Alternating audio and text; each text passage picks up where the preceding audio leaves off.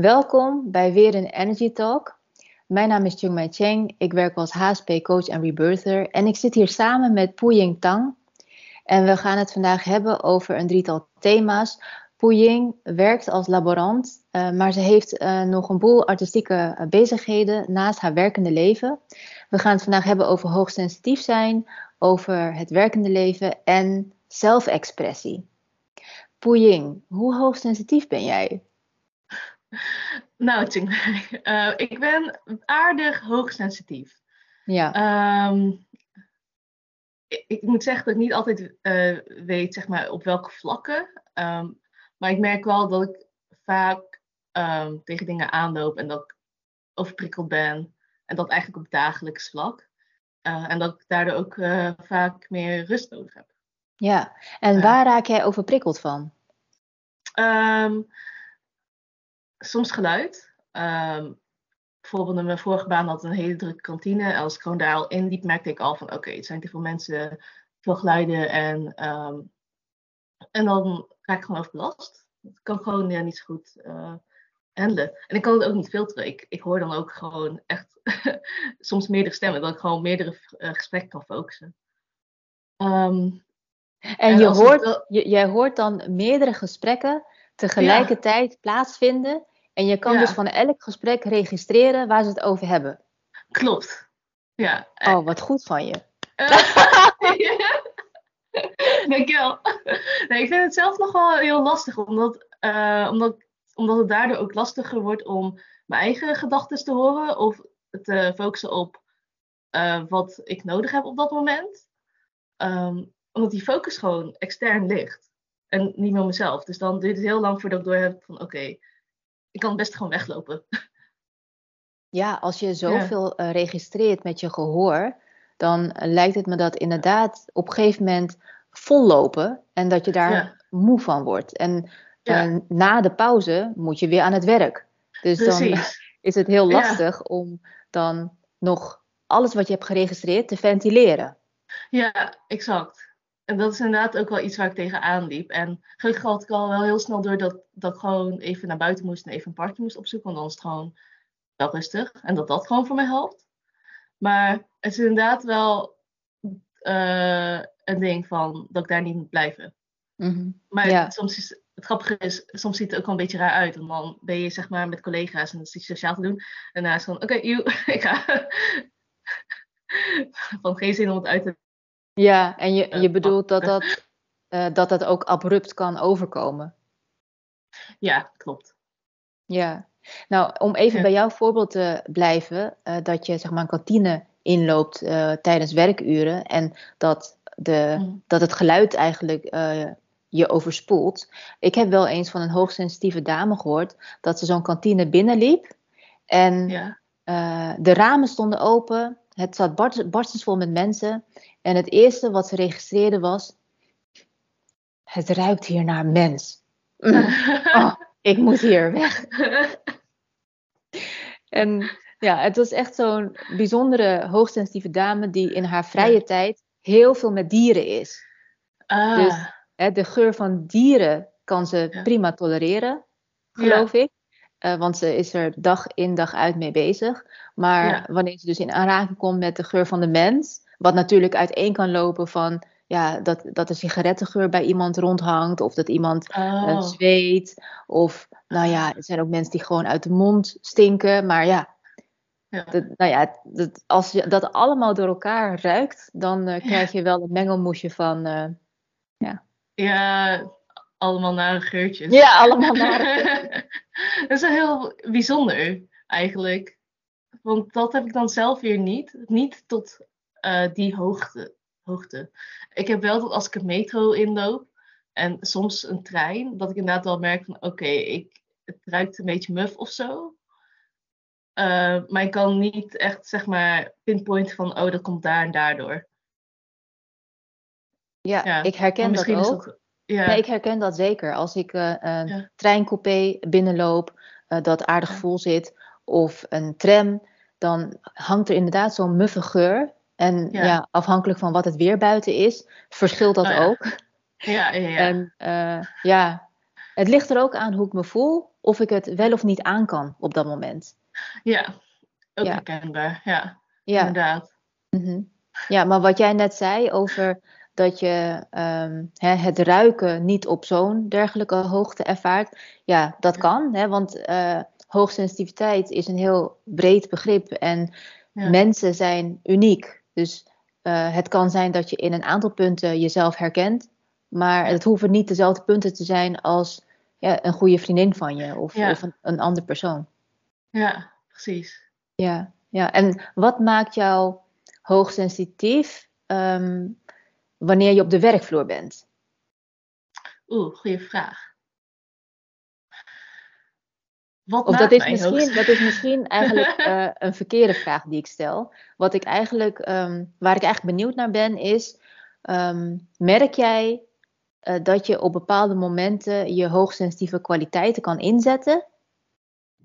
En merk je dat in bepaalde werksituaties jouw hoogsensitieve kenmerken jou in de weg zitten? Nou, dat zijn eigenlijk twee vragen. Ja, uh, oké, even nadenken hoor. Dat zijn hele goede vragen trouwens. uh, ik vind het ook leuk om te ontvangen. Um,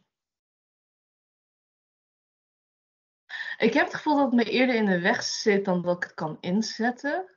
Maar ik denk dat het eerder komt doordat ik dat meer door heb. Zeg maar, um, er zijn gewoon dagen geweest dat ik gevoeliger voel en dan uh, moet ik daar actief mee bezig om dat te verwerken, zodat ik gewoon beter op werk kan focussen. Um, maar ik wil ook wel zeggen dat ik het heb kunnen inzetten, maar ik weet niet zeg maar welk vlak dan hoogsensitiviteit zou zijn.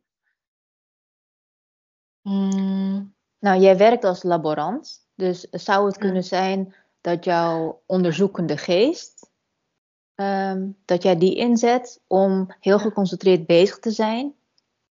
Uh, nou, eigenlijk, ik, ik weet al inderdaad antwoord te geven nu. Uh, en ook eigenlijk een ja op die vraag weer, mijn onderzoekende geest. Uh, ik heb een tijdje um, een, een assistent leidinggevende functie gehad. En mijn leidinggevende was tijdelijk op vakantie, dus ik mocht zelf dan invallen.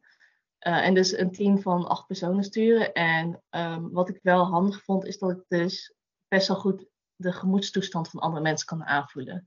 En dat is een voordeel en een nadeel, want hoe beter ik dat van een ander aanvoel, hoe slechter ik die van de mijne aanvoel, helaas. Maar er zijn, um, zeg maar, met mijn vorige baan was het best wel hectisch. Um, en er was gewoon voortdurend te veel werk. Maar daardoor uh, merkte ik wel dat sommige mensen dus, zeg maar, um, uh, ook drukke dagen hadden. En aan de hand daarvan besloot ik dan de dag daarna hen op een rustige taak in te zetten. Wat hen dan ook weer hielp met even bijkomen. En uh, ik merkte wel dat ik dat veel beter kon aanvoelen dan een andere collega. En dat ik dat ook perfect kon inzetten eigenlijk. En dat dat handig is als leidinggevende. Dat je gewoon wel weet hoe mensen zich voelen en uh, wat hun kwaliteiten zijn. Dat is ook iets wat ik dan uh, oppik bij anderen. En um, dat je daar wat mee kan. Vooral absoluut. anders is. Ja, ja absoluut. Dus je hebt gewoon um, uh, de kwaliteit dat je goed de gemoedstoestanden aanvoelt. En je mhm. weet ook wat hun kwaliteiten zijn. En daardoor weet je hen uh, in te zetten op taken uh, ja, die dan op dat moment bij hen passen. Ja. ja. ja. en zo haal je natuurlijk ook het beste uit de werknemer. Ja, exact. Ja. Ja, nou, dat, is een mooie eigenschap. Ja, dankjewel. en en die, daar kwam je dus eigenlijk uh, bij toeval achter, omdat je ja, de rol mocht, op je mocht nemen als assistent uh, manager. Ja, klopt. Eigenlijk wel, ja, inderdaad. Voorheen wist ik dat niet van mezelf. En voorheen dacht ik ook van, ja, ik ben niet zo heel erg anders dan andere mensen. Maar uh, toen er meer werkdruk was en toen die rol had. En zeg maar, je moet gewoon oplossingen gaan zoeken wanneer het niet helemaal lekker loopt op werk. Toen merkte ik dat ik dat daar best wel toe in staat was. Maar ook zeg maar op een creatieve manier. Zeg maar dat het niet. Ja, ja. Uh, omdat de vorige methode dan niet werkte, wist ik ook wel andere methodes te vinden. En dat, ik was daar blijkbaar best wel goed in. Oh, dat is fantastisch. Dus uh, klopt het dat je eigenlijk wilde zeggen, het zorgde ervoor dat er niet meer werk ontstond, maar dat je het efficiënter kon doen? Ja, nou, ik, wil, ja, ik zou niet zeggen dat er niet meer werk ontstond. Want dat was een externe factor. Hela, helaas uh, lag dat bij mijn controle om. Maar ehm, het werkt wel efficiënter inderdaad, ja. Ja. Uh, dat, ja. Dus daar ben ik wel blij mee. Ja, zeker. En nadat je deze kwaliteiten had ontdekt in jezelf als hoogsensitief persoon, had je dan zoiets van: hé, hey, dit, zo'n rol ambieer ik wel in de toekomst? Ja, eigenlijk wel. Nou, wat geinig was, um, vlak daarna, um, zeg maar vlak daarna was ik niet meer zo heel erg tevreden met mijn vorige baan. Helaas, um, vanwege heel veel verschillende dingen. En ik begon mijn eigen kwaliteit ook meer in te zien. En ik merkte ook dat ik mijn werk toen ook minder leuk ben gaan vinden. En toen ben ik dus op zoek gegaan naar iets anders. Uh, dus ik ga volgende week beginnen met een nieuwe baan. Waarbij ik dus ook zeg maar, waarbij meer van mijn kwaliteiten ingezet kunnen worden. En waarbij ik gewoon een eigen project krijg en uh, dingen gewoon zelf mag managen. Oh, geweldig. Gefeliciteerd ja. met je nieuwe baan. Dankjewel. Bedankt. Um, dus ja, toen ik dat eindelijk inzag, um, toen ben ik daar ook wel naar gaan zoeken. En dat is ja, toch wel een voordeel geweest om zo'n assistentsfunctie uit te proberen. Ja, zeker. En uh, wat je net benoemde, uh, dat is eigenlijk ook een van de grootste energielekken van een hoogsensitief persoon. Als je oh. kwaliteiten, kennis en vaardigheden niet worden ingezet uh, ja. op de werkvloer, dan, dan, gaat dat, dan, dan loop je leeg op ja. dat, dat ja, je geen voldoening ervaart in je werk en geen waardering. Ah. En, en dan heeft het niet direct een relatie met de taken die je op dat moment hebt. Hè, want Ja. het, het kan zijn dat je daar gewoon heel goed in bent en je doet dat gewoon elke dag en Mm. dat gaat allemaal prima. Maar als je gewoon zelf merkt dat er meer in je zit dan dat er Ja. op dagelijks vlak uit je komt, ja, dan gaat het wringen. Dus dat kan dan een energielek vormen, waar mensen misschien ehm, ja, een, een wat langere tijd voor nodig hebben om daar bewust van te worden. Want dan denk je, oh, wat ben ik moe en oh, wat een lange dagen en je hebt s'avonds nergens meer zin in. Maar op een gegeven moment realiseer je gewoon, hé, hey, ik, uh, ik wil eigenlijk gewoon wat anders doen. Ik, ik kan dit ook goed. En als je dat dan dagelijks zou Mm. kunnen doen en voelt dat je daarin ook steeds beter wordt, hè, want ik geloof dat het mens eigen is, dat je wilt blijven Ja. ontwikkelen. Ja, eens. Ja, dus als je Ja. stagneert op dat vlak, dan uh, wordt het saai en ja, dan raak je misschien ook snel, sneller gefrustreerd van als je niet eens bent met organisatorische zaken. Ja. En, nou, het klinkt hartstikke goed Ja. dat je ja, aan je Ja. baan gaat beginnen. Nee, bedankt. Maar ik kan me daar heel erg goed in vinden, inderdaad. Ehm, en het is voor mij wel interessant om te horen, omdat ik dat eerder nooit echt zo heb gerealiseerd. Maar ehm, ik ben heel goed in dingen aanleren en ik denk dat ik me altijd zeg maar in een ander hoekje heb, mezelf in een ander hoekje heb proberen te plaatsen. En dan in het hoekje zeg maar zoals werk van je wil of verwacht. Maar dat het niet aansloot bij mij. En dat ik in uh, ik merkte ook al dat ik dus niet genoeg voldoening uit werk haalde daardoor. Um, maar ja, ik, als het ware ben ik eigenlijk heel lang aan het zoeken geweest naar iets wat wel past. Dus nu ben ik gewoon weer bij een nieuwe baan terechtgekomen. Maar nu je dat heb uitgelegd, snap ik wel waarom dat zo is. Mm. Dat, dat ik weinig voldoening uit mijn werk haalde. En dat ik inderdaad gewoon kwaliteiten heb die ik eigenlijk niet zoveel benutte. Of dat het werk ook niet voor mij benut. Mm -hmm. Ja. Ja. Dus ja, dat valt heel erg op zijn plaats nu. Oh, wat mooi. Ja. Ja, dit is geen coaching sessie, maar, Maar, maar, maar het is natuurlijk leuk om nieuwe inzichten op te doen. Want ja. um, ik stond er net bijvoorbeeld bij stil uh, dat wij allebei van Aziatische afkomst zijn. Uh, Mhm. ik ben uh, Chinees en mijn familie is Wunchonees, dus, dus daar komen Ja. mijn wortels vandaan. En ik Ja. weet dat jij half Chinees bent en half of half Kantonees bent en half Mm. Wunchonees. Ja, En um, wat ik bijzonder vind, is dat veel van de Chinese mensen die ik nog ken uit mijn studententijd en Ja. ook die ik later heb leren kennen, die um, beoefenen vaak een vakgebied uit wat uh, heel erg rationeel is. Dus of ze werken in het bankwezen, Ah, of in de advocatuur, of uh, Ja. zijn keihard gaan ondernemen. Uh, ja. En jij bent een laborant geworden. Op basis van de studie die je hebt uitgekozen. Dus Ja. dat, dat vind ik wel opvallend en, en bijzonder. Ervaar jij dat ook zo? Of, want je bent volgens mij, hoe oud ben je? Uh, ik ben 26. Ja, oh, 26. Ja. Ik Ja. ben 40. Dus er Oh. zit wel een eh age gap. Dus misschien Ja. helemaal niet zo. Want in mijn tijd vond, ik- vond ik het wel bijzonder als je dan ehm, iets anders ging studeren dan bedrijfskunde. Ja, maar ik, ik snap wel wat je bedoelt hoor. Ik moet zeggen, ik merk wel dat tijden daarin zijn veranderd. Maar wat ik herinner van tien jaar geleden, ehm, toen ik 15 was en nog op de HAVO zat. En je moest zeg maar ook zoeken naar... ehm, want als je in een derde klas HAVO zit, dan begin je al met oriënteren wat je daarna wil gaan doen, na middelbare school. En ik moet zeggen dat ik niet zo heel veel Aziaten of specifiek Chinezen dan ken. En op die leeftijd ook niet. Maar ik had wel door dat ehm, de Chinezen die ik kende ook meer geïnteresseerd waren in economie. Die gingen inderdaad iets van bedrijfskunde doen of ehm, eh, wat is het, business, international business of iets met Asian, Aziatisch handel. Zo erg zit ik niet in de economie dus. Nee, Maar- duidelijk. ja, eh, maar ehm, ik was er zelf anders in. En ik vermoed dat het ook al komt doordat ik iets Nederlandser ben opgevoed. Ik had gewoon een ontzettend Nederlandse omgeving.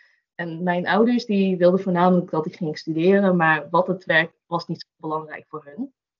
En in mijn familie uh, hadden destijds heel veel mensen die overleden aan uh, verschillende ziektes. Of er was kanker of uh, dat soort dingen. En dat raakte mij destijds heel erg. En um, toen dacht ik, nou, ik was jong en naïef, maar ik dacht van, ik wil kanker genezen, dus ik ga een laboratoriumopleiding doen.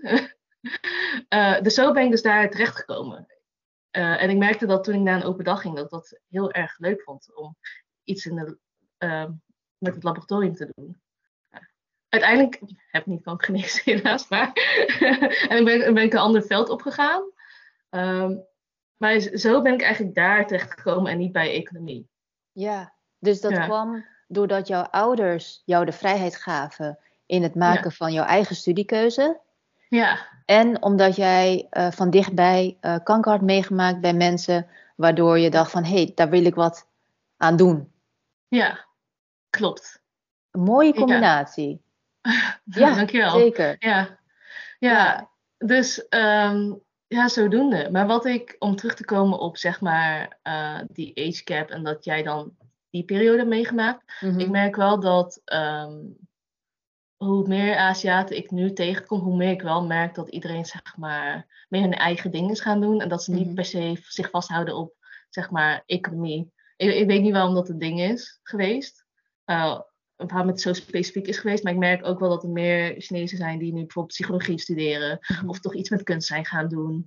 Uh, en die zijn inderdaad wat jonger. Misschien nog zelfs jonger dan ik. Maar dat het wel door de tijd heen is veranderd, gelukkig. En, dat, uh, en ik heb het idee dat misschien iedereen ook wel meer een eigen keus is. Uh, of eigen vrijheid daarin is gaan krijgen. Ja, absoluut. Ja, Ja, ja zeker. Want ken je het fenomeen van het, het oudste kind? Uh, die ervaart eigenlijk de meeste beperkingen uh, wanneer ja. je opgroeit in het gezin. En het tweede kind ja. al wat minder beperkingen. En het derde kind ja. oh, kan misschien helemaal losgaan. ja. en, uh, en misschien is dat nu dan ook met, met alle generaties Aziaten die ja. zich vrij voelen om hun eigen keuzes te maken in het leven. Nee, dat denk ik ook inderdaad. En dat ervaar ik zeker. Ik ben zelf het vierde kind van gezin. Mm. En er zit 13 jaar verschil tussen mij en mijn oudere, oudste zus, zeg maar. Dat is dus het eerste kind. En uh, ik heb wel gemerkt dat zij alle verantwoordelijkheid moest dragen destijds. Omdat mijn ouders natuurlijk dan ook uh, eerste generatie allochtonen waren of zo. Volgens mij heet dat zo. Ja. Dus dan was hun Nederlands iets minder. Alle zaken omtrent belasting en weet ik veel wat je allemaal moet regelen. Dat viel dus op het eerste kind, omdat haar Nederlands gewoon beter was. Mm -hmm. En het tweede kind helpt dan. Het derde kind doet dat minder. En dan heb je mij. En ik had eigenlijk wel alle volledige vrijheid. Je had helemaal niks te doen. Je had helemaal niks te doen. Dus... Ik kon mijn eigen ding doen, inderdaad. Je eigen ding doen. Je kon veel ja. meer je eigen ding doen. Ja. Ja. Ja, ja. en alle grenzen die, of uh, alle beperkingen die zij hadden, had ik gewoon minder. Omdat ik, ja, het werd gewoon steeds minder streng. Ja. Toen ik kwam. Ja, nou, ja. dat is heel fijn. En, uh, ja. en mooi dat dat uh, jou is toegevallen. Dat je uh, vanuit jezelf keuzes kon gaan maken. Want ik kan me herinneren eh, dat in mijn tijd, toen ik acht jaar was, ik kan die scène nog zo goed herinneren. Ik stond in het um, restaurant van mijn opa en oma in Amsterdam oh. West. En ik kwam net uit school en ik had een hele fijne schooldag gehad, want ik genoot enorm van school. En wanneer ik mhm. dan uh, na school in het restaurant terechtkwam van mijn opa en oma, wat heel vlakbij mijn lagere school was destijds, ja. dan vroeg mijn opa altijd: Wat wil je eten? Want hè, je moet natuurlijk goed eten. En ik keek altijd uit naar het eten na school. Want daarvan genoot ik het meest. Omdat je dan een hele dag school erop had zitten. Nou, en dan kwam mijn moeder er ook even bij zitten. En uh, iedereen zat dan even bij ons. Hè, omdat ze het leuk vonden dat wij uit school waren gekomen. Ja. En uh, toen zei mijn moeder op een gegeven moment tegen mij... Nou, Jemai, ah, je doet het zo goed op school. Jij wordt later vast uh, een arts of een advocaat of een, een bankier. En ik, ja. ja. van die drie die je opnoemt, denk ik dat ik arts word. Ja. ja. Nou, uiteindelijk ben ik een uh, soort van holistische dokter geworden. Ja. dus, maar in ieder geval um, was ik niet geneeskunde gaan studeren, want wiskunde B, eh, dat lag me gewoon totaal niet. En scheikunde en natuurkunde ook oh, niet. Dus um, ja, ben dus vanaf dat moment eigenlijk wel mijn eigen keuze gaan maken na een, na, ja, een aantal studies die me niet lagen. En dat lag allemaal in de ah. economiehoek. Ja, ik begon ah. met, begon met small business, bedrijfskunde, op het Erasmus. En als derde uh, communicatie op uh, de Hogeschool ah. Ichtus destijds in Rotterdam. Ja. Oh, Maar was dat dan heel onbewust? Of was het omdat je ouders wel je een bepaalde kant op stuurden? Eh, nee, het was omdat ik een bepaalde kant opgestuurd werd. En ik vond het een enorm falen dat ik geen geneeskunde kon gaan studeren. Ja. Dus ik dacht, nou, dan maar, dan maar een van die andere opties die, die je had benoemd toen ik acht was. Ja. Dus dat, was, dat zat zeker in mijn systeem, doordat ik dat om me heen had gehoord. En ook nadat ik had ervaren, omdat ik echt iemand ben die vanuit uh, ervaring leert, in plaats van uh, rechtstreeks vanuit boeken, dan ja, had bij economie zoiets van, dat ligt me eigenlijk ook niet. En vooral de cijfertjes, weet je, en dat lag me gewoon niet. En, uh, maar toen ik zelf ging lezen over psychologie en emotionele ontwikkeling, dacht ik, ja, maar dit ligt mij wel. Dus uh, toen deed ik er eigenlijk nog een zelfstandige studie naast de communicatieopleiding. Mhm. ja. ja. gewoon omdat het, ik het leuk vond. Ja. En, en, dat is volgens mij een mooi bruggetje naar wat jij dan allemaal hebt gedaan naast jouw werkende leven als laborant. Ja. volgens mij ben jij ook net zo ijverig dat je ook op zoek ging naar, hey, hoe kan ik meer voldoening halen uit mijn leven? Hoe kan ik het leuk hebben in mijn leven? Klopt, ja. Ja, ja wat heb jij allemaal opgepakt? Nou, um, kijk hoor. Nou, allereerst wil ik zeggen, ik herken heel erg wat je vertelde. Mhm. Eh, van het zeg maar gewoon iets doen wat je ouders van je verwachten en uh, dat uitproberen en dan en daar erachter komen van oké, misschien is het niet wat voor mij. Um, dus voor mij, ik ben natuurlijk dan eerst begonnen met laboratoriumwerk en uh, op dit moment doe ik dat nog steeds. Maar ook ik vond het zeg maar heel interessant om te verdiepen in uh, psychologie en hoe emoties werken. En, um, dus ik heb ook op mijn lijstje staan dat ik later ook iets van psychologie wil gaan studeren. Dus dat vond ik wel leuk om te benoemen, omdat ik dan, dat dan ook heel erg herken. Ja. ja. En dat we dat dan wel enigszins gemeen hebben. Ook al doe je net iets anders. Uh, maar wat ik allemaal heb opgepakt. Um, even kijken hoor. Ik ben ook begonnen met woordenkunst, om het zo te noemen. Voorheen noemde ik dat nog eens spoken word. Um, en dat was voor mij wel ontzettend nieuw. En um, een hele leuke ervaring, omdat ik zeg maar nooit echt een emotioneel persoon was. Ik was heel erg gesloten voorheen. Uh, en het was voor mij ook wel een soort van beperking om niet over emoties te kunnen praten of te kunnen voelen. En een jaar, anderhalf jaar geleden um, ben ik begonnen met schrijven en een keer op een open podium staan. Um, en toen dacht ik, hé, hey, dat is eigenlijk wel leuk. Uh, iets voordragen, iets schrijven, al ben ik niet zo geweldig goed. Maar uh, sindsdien heb ik dus best wel veel mooie teksten geschreven en uh, over, over mijn ervaringen. Uh, en zeg maar, dat is zo, de, e-, een emotionele wereld is zo anders dan de laboratoriumwereld, want daar is alles een stuk meer analytisch en uh, rationeel en logischer. Maar het is wel een leuke aanvulling, vind ik. Ja, dat klinkt ook zeker als een mooie aanvulling. Ja. Ja, en had jij eerder de behoefte gehad dat je op een podium wilde staan? Of kwam dat er eigenlijk gewoon bij? Als, als een pakket. Zo van oké, ik ga spoken word doen of woordenkunst. En mhm. ja, dat, dat hoort er dan bij. En dus dan ga ik het doen. Of ja. Uh, nou, uh, ik heb er eigenlijk bewust voor gekozen om dat erbij te doen. Omdat ik, um, zeg maar, ik over, over, het algemeen heb ik heel veel angsten. Uh, en daar ben ik me van bewust. En het is wel iets waar ik echt tegenaan loop. Maar op een podium staan was ook er een van. en ik ben zelfverzekerd. Al, en ik had een laag zelfbeeld. En ik, kijk hoor, loopt mijn internet nog goed? Ja, nu loopt hij weer goed. Maar hij liep net een beetje vast. Maakt niet oh, uit. Dan herhaal ik het even. Ja. Uh, nee, maar ik had zeg maar weinig zelfvertrouwen en ik had een laag zelfbeeld en ik wilde er echt wat mee doen. En, um, dus ik ging maar gewoon wat proberen. Dus ik dacht van, als, misschien als ik op een podium sta, iets wat ik super eng vind en ik overwin dat, dat dat dan ook meer zelfvertrouwen geeft. En ik moet zeggen dat het ook wel uh, dat heeft gedaan. Maar op dat moment dacht ik echt zo van, ja, ik, um, ik geloof niet in mijzelf of zo. En dat ik dingen kan of uh, ja, kon mijn eigen, kon mezelf niet waarderen.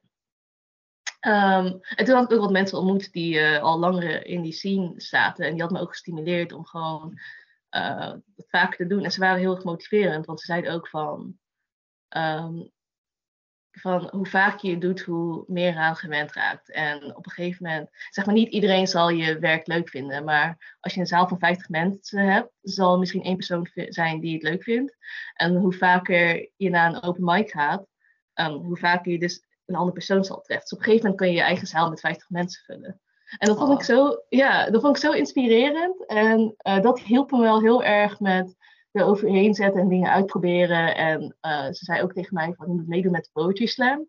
De Poetry Slam is een wedstrijd voor woordenkunst. En uh, hoe het werkt is dat je twee rondes hebt. En je gaat wat voordragen en mensen mogen op je stemmen. En dan kan je door naar de volgende ronde. En dan moet je zeg maar tegen elkaar gaan battelen. En ze zei ook van kijk, stel je doet daar aan mee. En je faalt heel hard. Dan heb je daarna niks meer te verliezen. en dan kun je gewoon vaak op het podium staan. Dus mijn doel daarmee was ook van, oké, ik ga gewoon één keer op het podium staan. Ik ga het gewoon proberen. Als het niet lukt, dan maakt niks uit. Als ik doorga naar de volgende ronde, is dat dan een overwinning op zich. En dan zie ik van daaruit wel hoe het verder gaat. Um, het mooie was dat ik dus zoveel uh, zelfvertrouwen kreeg door haar motiverende werk. Um, dat ik ook echt mijn best ben gaan doen om mijn teksten te schrijven. En ook zeg maar uh, dat ik in mijn teksten ook mezelf wilde verwerken. Dat ik niet meer wilde verstoppen achter hoe ik me voelde. En gewoon echt um, iets wilde schrijven wat echt gewoon um, uitdrukt hoe ik me echt voelde. En toen ben ik dus eigenlijk als tweede geëindigd in de Poetry Slam. Als tweede?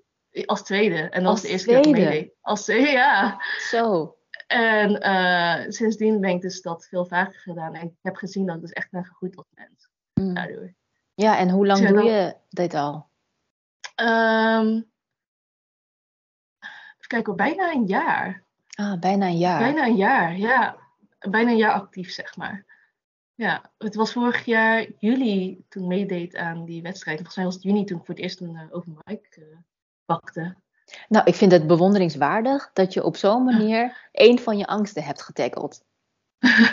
Dankjewel. Ja. ja, het is niet de meest uh, makkelijke manier zou ik zeggen. Wel de meest uh, zware, als je echt in het diepe springt. Mm Dan, ja, ik denk dat de meeste mensen wel geneigd zijn om met stapjes er te komen. Ja, ik spring er gewoon in. ja. maar het is wel effectief, dat wel. ja, ja het, is, het was dus in jouw geval dus effectief. En ja, ja dat is, als ik kijk naar um, het proces van um, het verwerken en omgaan met angsten dan is dit zeker een onderdeel daarvan. Dat je gewoon in actie komt. Ja. Um, en ervoor te zorgen dat je steeds minder bang wordt. En een, een van de zaken die je kan doen is door het te herhalen. Door het gewoon te blijven doen. Ja. Ja. ja. Precies. Ja. zeker. Dus, uh... En waar schrijf jij zoal over? Um, nou, dat verschilt. Uh, ik schrijf over het algemeen eigenlijk mijn trauma's. Uh, om het zo te benoemen. Maar dan is het niet dat ik letterlijk erin verwerk dat, dat dit een trauma is. Het is meer gewoon van, oké, ik heb in mijn leven ben ik hier tegen aangelopen. Dus daar, dat werk erin. Dus een van de onderwerpen is bijvoorbeeld mishandeling. Uh, om maar iets zwaars te noemen. En een ander onderwerp is uh, ja, liefde, zeg maar. Dingen die ik dan in mijn vorige relatie heb meegemaakt. Mm -hmm. uh, of iets wat ik misschien op werk heb meegemaakt. En ik probeer gewoon voor elke nieuwe tekst een juiste format te vinden wat werkt. en elk gevoel is natuurlijk ook anders. Dus dat het drukt dan ook weer anders uit. Ja, zeker. Ja. Dus je hebt nu een jaar erop zitten aan ja. um, het schrijven van je teksten en het opvoeren van je teksten. Ja. En um, heb je nu iets wat eraan zit te komen waarvoor je oh. aan het schrijven bent? Of... Um, nou, op dit moment niet. Ik moet ook zeggen dat ik eigenlijk een kleine pauze heb genomen. Ja. dus zeg maar, als ik word gevraagd of uitgenodigd, dan, dan meestal eigenlijk schrijf ik pas wanneer ik weet wanneer ik iets ga doen. Uh, dus als ik naar een open mic ga, dan schrijf ik teksten. Of als iemand me vraagt om op te treden, dan pas schrijf ik teksten. Ja. uh, en dat komt ook gewoon doordat ik uh, over het algemeen heel druk ben en ben geweest. Want ik werk dan 32 uur in de week en dan daarnaast heb ik ook gewoon andere dingen lopen. Dus ik heb eigenlijk heel weinig tijd over om dan nog te schrijven. Maar wanneer ik schrijf, dan maak ik wel echt een hele dag aan vrij en dan komt er va vaak wel wat uit. Dus daarom schrijf ik pas op het moment dat ik iets heb staan. Uh, maar nu, nu even niks eigenlijk. Ah, nu even niks. Dat is ook wel lekker. Want ja. uh, als we dan even inzoomen op creatief zijn, hè, om zeg maar je ja. creativiteit um, te ervaren, uh, daarin heb ik gemerkt uh, dat ik een hele tijd zeg maar me open kan stellen voor het maken ja. van, uh, van alles. Dus het schrijven van blogs, het mm. maken van podcasts, het opnemen ja. van energy talks via verschillende wegen. En dan sta ik open. Ja. Hè? En ik merkte dat ik eind vorig jaar dicht ging. En merkte mm. dat ik ook de tijd nodig had om bij te komen van het openstaan. Mm. Begrijp je dan wat ik bedoel? Ja, ik had gewoon helemaal wel, geen zin ja. meer. Ik, ik wilde ja. niet meer mijn gezicht laten zien. Terwijl ik, ik, ik vind het helemaal niet erg om mijn gezicht te laten ja. zien. Um, maar ik wilde me niet meer blootstellen aan dat iemand mij kon zien. Ja. Ik denk al dat ik snap wat je bedoelt, ja. Ik heb dat ook wel gehad uh, eind vorig jaar. Um, ik had oh, dan kan ik je hand schudden. Dat was dan op hetzelfde moment. ja, nee, inderdaad. We hadden toen elkaar ook even gesproken. En dat, uh, dat je zou stoppen met uh, uh, de workshop. Ja, klopt. En, ja. en ik liep dus op dat moment er ook tegenaan. Dat had ik inderdaad niet verteld. Nee, wat ik had, is, was dat ik meedeed aan een cursus. En dit was dan um, een combinatie tussen schrijven en muziek maken. Um, en dat was voor mij iets heel nieuws. en ik werd er niet Uh, ik, ik, dacht dat ik erin zou worden begeleid, maar dat was blijkbaar niet zo. En zij, uh, ze had ook verschillende mensen zeg maar, mee laten doen die dus eigenlijk al bekend waren in de muziekwereld. Ik liep er heel erg tegenaan. Maar wat ik merkte was dat ik inderdaad wel een beetje open stond en dan ook zeg maar weer op het podium ging staan. Maar waar ik dan tegenaan liep was dat ik dus um, weer tegen mijn eigen zelfbeeld aanliep. Dat ik gewoon niet zeg maar weer mezelf geloof, maar ook van um, dat ik al te lang open stond of te lang ergens mee bezig was, dat eigenlijk niet op dat moment in mijn leven paste. En toen daarna heb ik besloten om toch maar even weer, dus als het ware dan dicht te gaan, van even pauze te nemen. Um, en sindsdien ben ik even dus ook niet meer bezig geweest met schrijven. Ik heb één optreden tussendoor gehad, maar nu ben ik echt nog steeds bezig met die pauze. Gewoon doordat rust ook belangrijk is, maar soms is gewoon rust heel lang duren. Wat zei je net? Uh, rust is heel belangrijk. Ja, maar, maar soms kan rust ook heel lang duren. Ja, ja, ja. Rust ja. kan heel lang duren. Dat je ja. meer tijd nodig hebt dan dat je dacht nodig te hebben om ja. weer helemaal opgeladen te zijn. Exact, ja. ja. Inderdaad. Dus voor mij is het nu iets van vijf maanden dat ik rust aan het pakken ben. En ik denk dat ik nu wel weer een beetje richting die kant op aan het gaan ben. Van oké, misschien wil ik wel weer opnieuw. Maar het is inderdaad gewoon van ja, soms heb je dat. Van uh, je doet even wat, je staat even open uh, voor een nieuwe ervaring of, of om gezien te worden. En dan ja, moet je even bijkomen.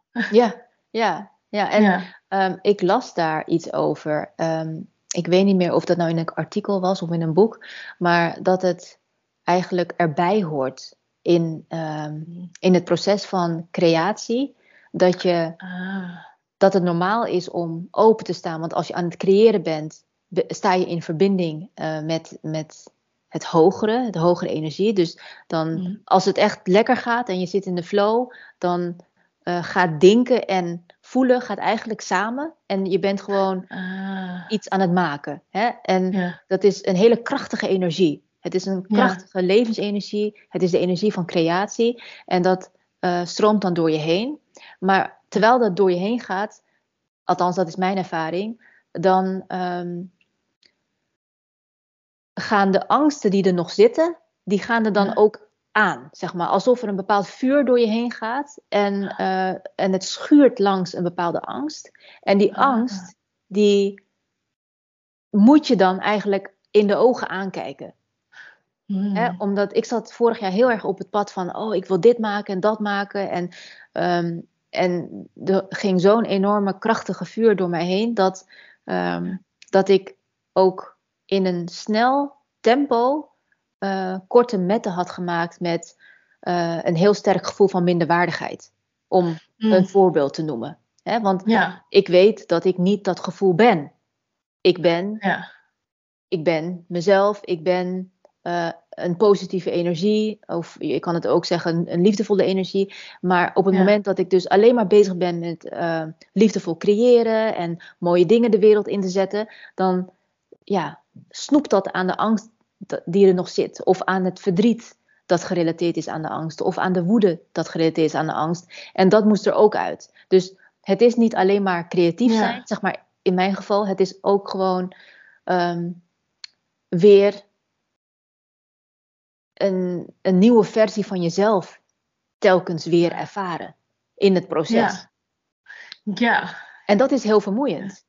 Uh, want op, op, het moment zelf, zeg maar in de maanden dat ik heel open stond en actief was en het aankeek, was het prima en had ik er veel lol in en uh, vond ik het prima om ook door die heftige gevoelens te gaan. Maar op een gegeven moment was ik gewoon op. En jij, had, jij benoemde net dat je, dat je nog steeds bezig bent met rust nemen, vijf maanden mhm. al.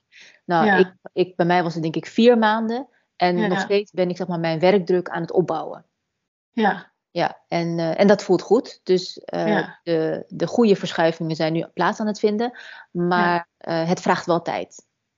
Ja, precies. Ja. En zoals ik het zie, is het ook gewoon dat je zelf even moet navigeren door gewoon bepaalde situaties. En dat is nog wel het meest uitdagende, vind ik zelf. Ja. Oh, wat zeg je dat mooi.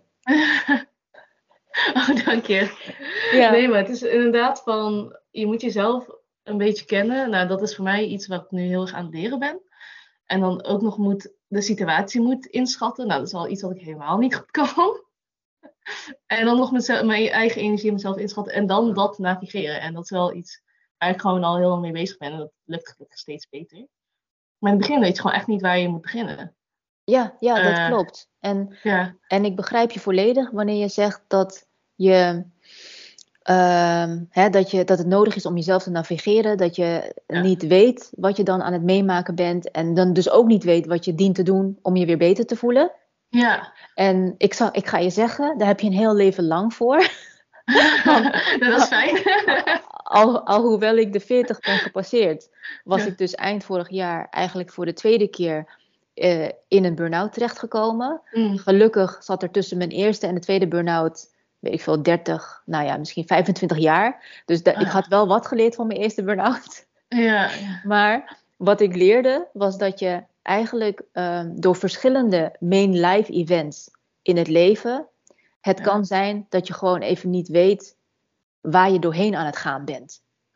Ja. Ja, dus als je op je twintigste iets hebt geleerd en je denkt, oh, daar heb ik hartstikke veel profijt van, want als ik dat weer tegenkom op mijn 25ste, dan, kan, dan weet ik wat ik moet doen. Maar misschien heb je op je 25ste weer iets totaal anders meegemaakt, ja. wat, wat een beetje van elkaar verschilt en waardoor je misschien ook net een iets andere aanpak nodig hebt. Ja, precies. Nee, maar dat snap ik heel goed inderdaad, want um, ja, ik ben het zelf dus overspannen geraakt. En eigenlijk dus ook, ik wil zeggen voor de tweede keer, maar de eerste keer herkende ik niet eens. Mhm. En dat was dus eigenlijk weer een jaar daarvoor. Maar het is inderdaad van, je zou kunnen zeggen van, oh, je weet dus eigenlijk voor de volgende keer beter hoe je moet doen. Maar eigenlijk zijn het herkenningspunten die je moet herkennen. En voor mij is dat dus bijvoorbeeld dat ik dan uh, niet kan slapen. Maar ik heb al heel leven al uh, slaapproblemen gehad. Dus mm. ik herken dat niet als een herkenningspunt. Maar mm -hmm. totdat ik over uh, overspanning en burn-out ging lezen, toen realiseerde ik pas van, oh, oké, dat is dus niet normaal. maar zo zijn er meerdere dingen, zoals concentratieproblemen en zo. Maar die, sommige van die symptomen zijn zo algemeen. Mm -hmm. Uh, dat ik zelf vind dat ze heel lastig te herkennen zijn. En pas wanneer je dus overspannen bent of in een burn-out zit. En je, en je bent jezelf aan het opbouwen. Dat je dan pas snapt van, oh, dat waren al die symptomen. Mm-hmm. Ja, en ik hoor dat eigenlijk van heel veel mensen wel. Dat ze dus na afloop dat pas doorhebben. Maar eigenlijk heb je niet eens altijd de tijd om daarbij stil te staan. Om dan te kunnen zeggen, oh, ik kan het volgende keer wel voorkomen. Ja, ja ik begrijp het. Um, ja. Merk je dat veel mensen in jouw omgeving kampen met uh, overspanning? Um, nou, toevallig uh, ja en nee. Um, vooral met mijn vorige baan merkte ik dat veel mensen tegen overspanning aanliepen. Uh, maar de, de nare is dat het bedrijf daar een beetje onbekend staat. Hmm dus van elke collega hoor je ook wel van, oh, we hebben al zoveel mensen gehad die uh, burn-out hadden en daardoor zijn gestopt. Maar ook van, uh, ja, we weten het allemaal, het bedrijf doet er niet zoveel mee. Dus. Mm. Uh, en dan, um, ik heb daar een jaar gewerkt. En in dat jaar merkte ik wel dat zeg maar, de collega's waar ik close mee was, dat zij ook daar tegenaan liepen. En bij sommige mensen kon ik gewoon ook echt aan hun gezichten zien dat ze wel um, overspannen aan het raken waren, omdat ze zelf niet door hadden. Uh, maar dat wordt dan ook lastig om te zeggen, ja, die is echt overspannen. Want ja, als diegene zelf niet weet en ik het niet kan bevestigen, weet ik ook niet of ik juist zit. Ja. Ja. Maar um, ik denk eerlijk gezegd dat dat ook kan komen door hoe de labwereld in elkaar zit. Want soms moet je gewoon nou eenmaal veel overuren draaien, omdat je gewoon uh, te maken hebt met testen die je volgens het protocol moet uitvoeren. En in heel veel testen heb je gewoon veel wachtstappen. En in die wachtstappen moet je weer ander werk voorbereiden. Mm. Dus eigenlijk ben je gewoon continu door aan het werken, zonder echt pauzes te nemen. En dat wordt al vanaf de, vanaf de opleiding uh, zo verteld. Uh, hoe dat aan toe gaat. Maar ja, als je 18 bent en je leert iets en je hebt niet door hoe belangrijk rust is en je bent nog in je ontwikkelingsfase, dan weet je niet dat hetgene wat je aangeleerd wordt niet altijd juist is. Ja. Uh, en, voor en, dan mij teken, en dan teken je overal voor. Ja. oh ja, ook prima. Dat gaan we gewoon doen. Precies. Oh, dit klopt vast. En ik accepteer het maar. En dat is zeg maar iets waar ik zelf heel erg tegenaan diep. En uh, afgelopen maanden heb ik pas doorgekregen van, oh, dit is niet normaal. En eh, in andere werkveld gaat het anders aan toe. Of andere bedrijven die zijn al lang bezig met uh, uh, gezondheid. Mm -hmm. en werknemers niet uitbuiten. maar ja, om, om maar zo te noemen. Maar um, ja, ik vind het zelf heel labspecifiek. En daarom uh, merk ik ook wel dat sommige mensen of heel erg er tegenaan lopen, of juist niet er tegenaan lopen.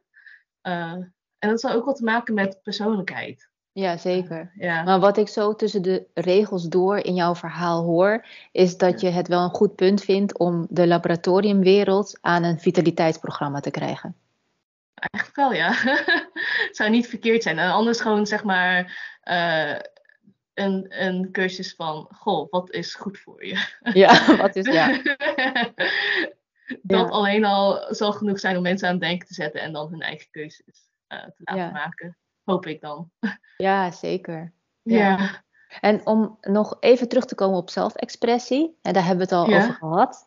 En daarin ben je dus ook even rust aan het nemen. Maar je merkt dat er een uh, shift plaats is. Uh, uh, plaats aan het vinden. Je merkt dat er een shift plaats aan het vinden is. En dat je dus meer um, wilt gaan doen op het vlak van zelfexpressie. En wat merk je dan aan je systeem? ik merk aan mezelf dat, gewoon, dat ik gewoon een heleboel behoefte heb aan connectie. En oprechte gesprekken en oprechte onderwerpen. Uh, en, en een deel daarvan, zeg maar. En dat is, misschien, staat misschien nog eens los van um, echt het optreden en zo. Maar um, ik denk dat wanneer ik naar werk ga dat soort dingen van. En dat is natuurlijk gewoon werk. Het is gewoon zakelijk. Um, dat ik een beetje menselijk contact mis, om het zo te noemen. Van het moet allemaal zakelijk. En dat is op zich wel logisch. Maar als je daar 40 uur per week zit, ja, ik, ik word er zelf gewoon niet zo heel goed van. Mhm. ja. Ja, ehm, ja, dus de behoefte om weer in beweging te komen tot zelfexpressie, is Ja. omdat je je dan in een wereld gaat be- bewegen waarin eh, je verbinding ervaart en oprechte Ja. gesprekken en, ja. nou ja, hopelijk een flinke dosis menselijkheid. ja, Ja, precies. nou, dat is heel mooi. Oh, ik, heb, ik weet niet meer wat ik moet zeggen, want ik vind het gewoon prachtig wat, je net, wat je net hebt gezegd. Oh, oh, dankjewel. Nee, oh, lief. Eh, nee, ik was ook even stilgevallen omdat ik dacht, wat heb ik je vraag beantwoord? En dan wist het even niet. Nee, Maar, je hebt de vraag beantwoord. En Ja. eh, nou, Puying, we komen richting het afronden van de Energy Talk. En ik heb nog een laatste vraag voor je. Wat zou je de kijkers en luisteraars mee willen geven naar aanleiding van deze Energy Talk? Ehm, nou, als ik iets zou willen meegeven, dan is dat dat het altijd goed is om eh, nieuwe ervaringen op te doen. En vooral wanneer je het gevoel hebt dat je ergens vastloopt. Eh, en waarom ik dat zeg, is omdat ehm, waar ik tegenaan liep een paar jaar geleden, is dat ik dacht dat. ehm, zeg maar, ik liep er tegenaan dat mijn eerste baan me niet beviel. En ik dacht dat het gewoon was. En ik was 23, dat is eigenlijk best wel jong. Eh, en toen heb ik besloten om een andere baan te nemen. En ik kwam erachter dat ehm, het helemaal niet zo hoefde te zijn zoals ik het was gewend. En een nieuwe ervaring hielp daarmee om in te zien dat het ook anders kon. En ik denk dat het eigenlijk gewoon eh, toepasbaar is voor alles in het leven. Van als een situatie niet bevalt, probeer wat nieuws en kijk of dat werkt. En wees niet bang om te proberen. Dus dat wat ik wil meegeven. Ja, dankjewel Puying. Dat zijn mooie woorden. En ik wil je bij deze hartelijk bedanken voor je aanwezigheid in deze Energy Talk. Ik heb ervan genoten. En eh, ik hoop zeker meer van jou te horen. Ja, en dankjewel Chingwei voor de uitnodiging. En ik heb ook heel erg genoten van dit gesprek. En eh, ik spreek graag weer. Graag. Ja. Tot een volgende keer. Tot de volgende keer.